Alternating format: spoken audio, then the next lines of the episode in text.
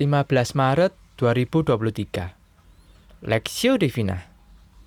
Yesaya pasal 36 ayat 1 sampai 22 Maka dalam tahun ke-14 zaman Raja Hizkia majulah Sanherib Raja Asyur menyerang segala kota berkubu negeri Yehuda lalu merebutnya. Raja Asyur mengutus juru minum agung dari Lakis ke Yerusalem kepada Raja Hizkia disertai suatu tentara yang besar.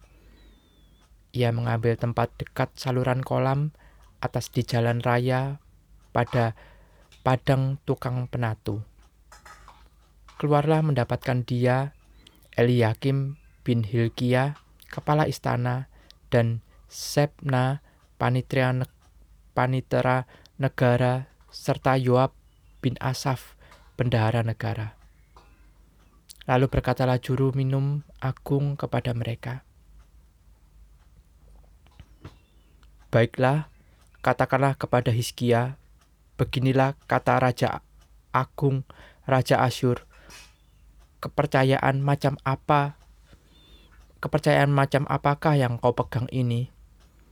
Kau kira bahwa hanya ucapan bibir saja dapat merupakan rencana dan kekuatan untuk perang? Sekarang kepada siapa engkau berharap, maka engkau memberontak terhadap aku. Sesungguhnya, engkau berharap kepada tongkat bambu yang patah terkulai itu, yaitu Mesir, yang akan menusuk dan menembus tangan orang yang bertopang kepadanya. Begitulah keadaan Firaun, raja Mesir, bagi semua orang yang berharap kepadanya. Dan apabila engkau berkata kepadaku, "Kami berharap kepada Tuhan," Allah kami. Bukankah dia itu yang bukit-bukit pengorbanannya dan mesbah-mesbahnya telah telah dijauhkan oleh Hizkia sambil berkata kepada Yehuda dan Yerusalem di depan mesbah, inilah kamu harus sujud menyembah. Maka sekarang, baiklah bertaruh dengan tuanku Raja Asyur. Aku akan memberikan 2000 ekor kuda kepadamu jika engkau sanggup memberikan dari pihakmu orang-orang yang mengendarainya. Bagaimanakah mungkin engkau memukul mundur satu orang perwira tuanku yang paling kecil? Padahal engkau berharap kepada Mesir dalam hal kereta dan orang-orang berkuda. Sekarang pun, adakah di luar kehendak Tuhan aku maju melawan negeri ini untuk memusnahkannya? Tuhan telah berfirman kepadaku, majulah menyerang negeri itu dan musnahkanlah itu. Lalu berkatalah Eliakim, Sabna, dan Yoa kepada juru minum agung. Silahkan berbicara dalam bahasa Aram kepada hamba-hambamu ini, sebab kami mengerti, tetapi janganlah berbicara kepada kami dalam bahasa Yehuda sambil didengar oleh rakyat yang ada di atas tembok. Tetapi juru minum agung berkata, Adakah tuanku mengutus aku untuk mengucapkan perkataan-perkataan ini hanya kepada tuanmu dan kepada dan kepadamu saja? Bukankah juga kepada orang-orang yang duduk di atas tembok? Yang memakan tahinya dan meminum air kencingnya bersama-sama dengan kamu. Kemudian berdiri, berdirilah juru minum agung dan berserulah ia dengan suara nyaring dalam bahasa Yehuda. Ia berkata, Dengarlah perkataan Raja Agung, Raja Asyur. Beginilah, beginilah kata Raja, Janganlah Hizkia memperdayakan kamu, sebab ia tidak sanggup melepaskan kamu. Janganlah Hizkia mengajak kamu berharap kepada Tuhan dengan mengatakan, tentulah Tuhan akan melepaskan kita. Kota ini tidak akan diserahkan ke dalam tangan Raja Asyur. Janganlah dengarkan Hizkia, sebab beginilah kata Raja Asyur. Adakanlah perjanjian penyerahan dengan aku dan datanglah keluar kepadaku. Maka setiap orang daripadamu akan makan dari pohon anggurnya dan dari pohon aranya serta minum dari sumurnya. Sampai aku datang dan membawa kamu di suatu negeri seperti negerimu, suatu negeri yang bergandum dan berair anggur, suatu negeri yang berroti dan berkebun anggur. Jangan sampai Hizkia membujuk kamu dengan mengatakan, Tuhan akan melepaskan kita. Apakah pernah para Allah bangsa-bangsa melepaskan negerinya masing-masing dari tangan Raja Asyur? Demi di manakah para Allah negeri Hamat dan Arpat? Di manakah para Allah negeri Serafai, Sefarvaim? Apakah mereka telah melepaskan Samaria dari tanganku? Siapakah di antara semua Allah negeri-negeri ini yang telah melepaskan negeri mereka dari tanganku, sehingga Tuhan sanggup melepaskan Yerusalem dari tanganku.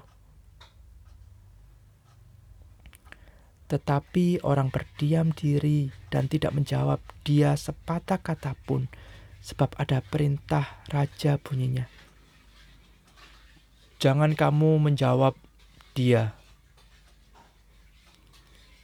Kemudian pergilah Eliakim bin Hilkia kepala istana, dan Sabna, penatria negara, dan Yoa bin Asaf, bendara negara, menghadap Hizkia dengan pakaian yang dikoyakkan, lalu memberitahukan kepada raja perkataan juru minum agung.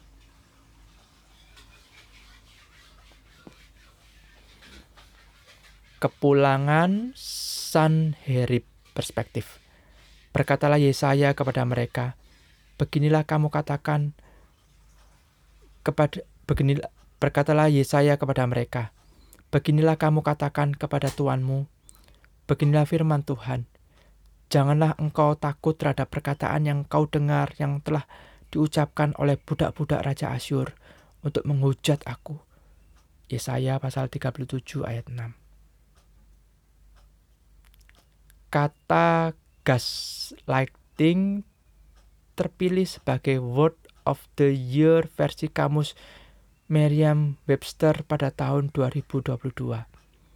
Pemilihan ini didasarkan pada peningkatan atas pencarian kata tersebut sebesar 1740 persen di aplikasi berbasis digital tersebut. Tingginya angka pencarian ini mengid, mengid, mengidin, mengidikas, mengid, mengindikasikan fenomena, fenomena yang berkembang di masyarakat saat itu. Gaslighting merupakan istilah psikologi yang berarti melakukan tindakan manipulatif terhadap orang lain agar sang korban mempertanyakan kembali apa yang menjadi pikiran dan keyakinan mereka. Akibatnya, sang korban kehilangan rasa percaya diri dan diperbudak oleh sang pelaku baik secara fisik maupun psikis. Pada zaman kepemimpinan Hizkia, masyarakat Yehuda pun pernah mengalami perasaan serupa layaknya korban gaslighting. Iman mereka kepada Yahweh bukan hanya dipertanyakan, tetapi juga diolok-olok oleh seorang juru minum agung yang datang dengan sejumlah besar bala tentara perang. Hal ini merupakan perintah dari Raja Asyur dan berusaha menghancurkan mental dan keyakinan Raja Yehuda serta merebut segala kota berkubu mereka. Ayat 1 Dalam kondisi tersebut, Iskia tetap berpegang pada firman Allah sesuai apa yang dinubuatkan Nabi Yesaya dan menyuruh rakyat untuk tetap berdiam dan tidak membalas cemoohan dari pihak lawan mereka. Sikap diam itu bukanlah tanpa hasil. Pada akhirnya, keangkuhan Raja Asyur dan juga penghinaan mereka terhadap Allah Israel dibalas sendiri oleh Allah tanpa tanpa Israel harus maju berperang. Diam dan tidak melakukan apa pun ketika orang lain memperolok kita, bahkan kepercayaan kita, memang bukan perkara yang mudah. Perasaan ingin membela diri dan melawan tentu ada. Firman Tuhan memperlihatkan bahwa Allah adalah pribadi yang selalu siap sedia membela umatnya. Bagian kita sebagai umatnya hanyalah melakukan bagian kita dengan menaati perintahnya. Diam dan tidak melawan bukan berarti kita setuju akan pernyataan-pernyataan lawan kita. Namun sikap kita tersebut adalah langkah iman kita memberikan ruang bagi Allah untuk membela kita di saat orang lain ataupun diri kita sendiri tidak mampu melakukannya. Studi pribadi, mengapa Hizkia yakin memberikan perintah kepada rakyatnya untuk dia menghadapi penghinaan Raja Asyur? Apa yang menghalangi kita percaya kepada Allah? Pokok doa, berdoa bagi umat Allah agar diberikan hikmat menjadi saluran berkat Tuhan meskipun dalam kondisi yang tidak menyenangkan.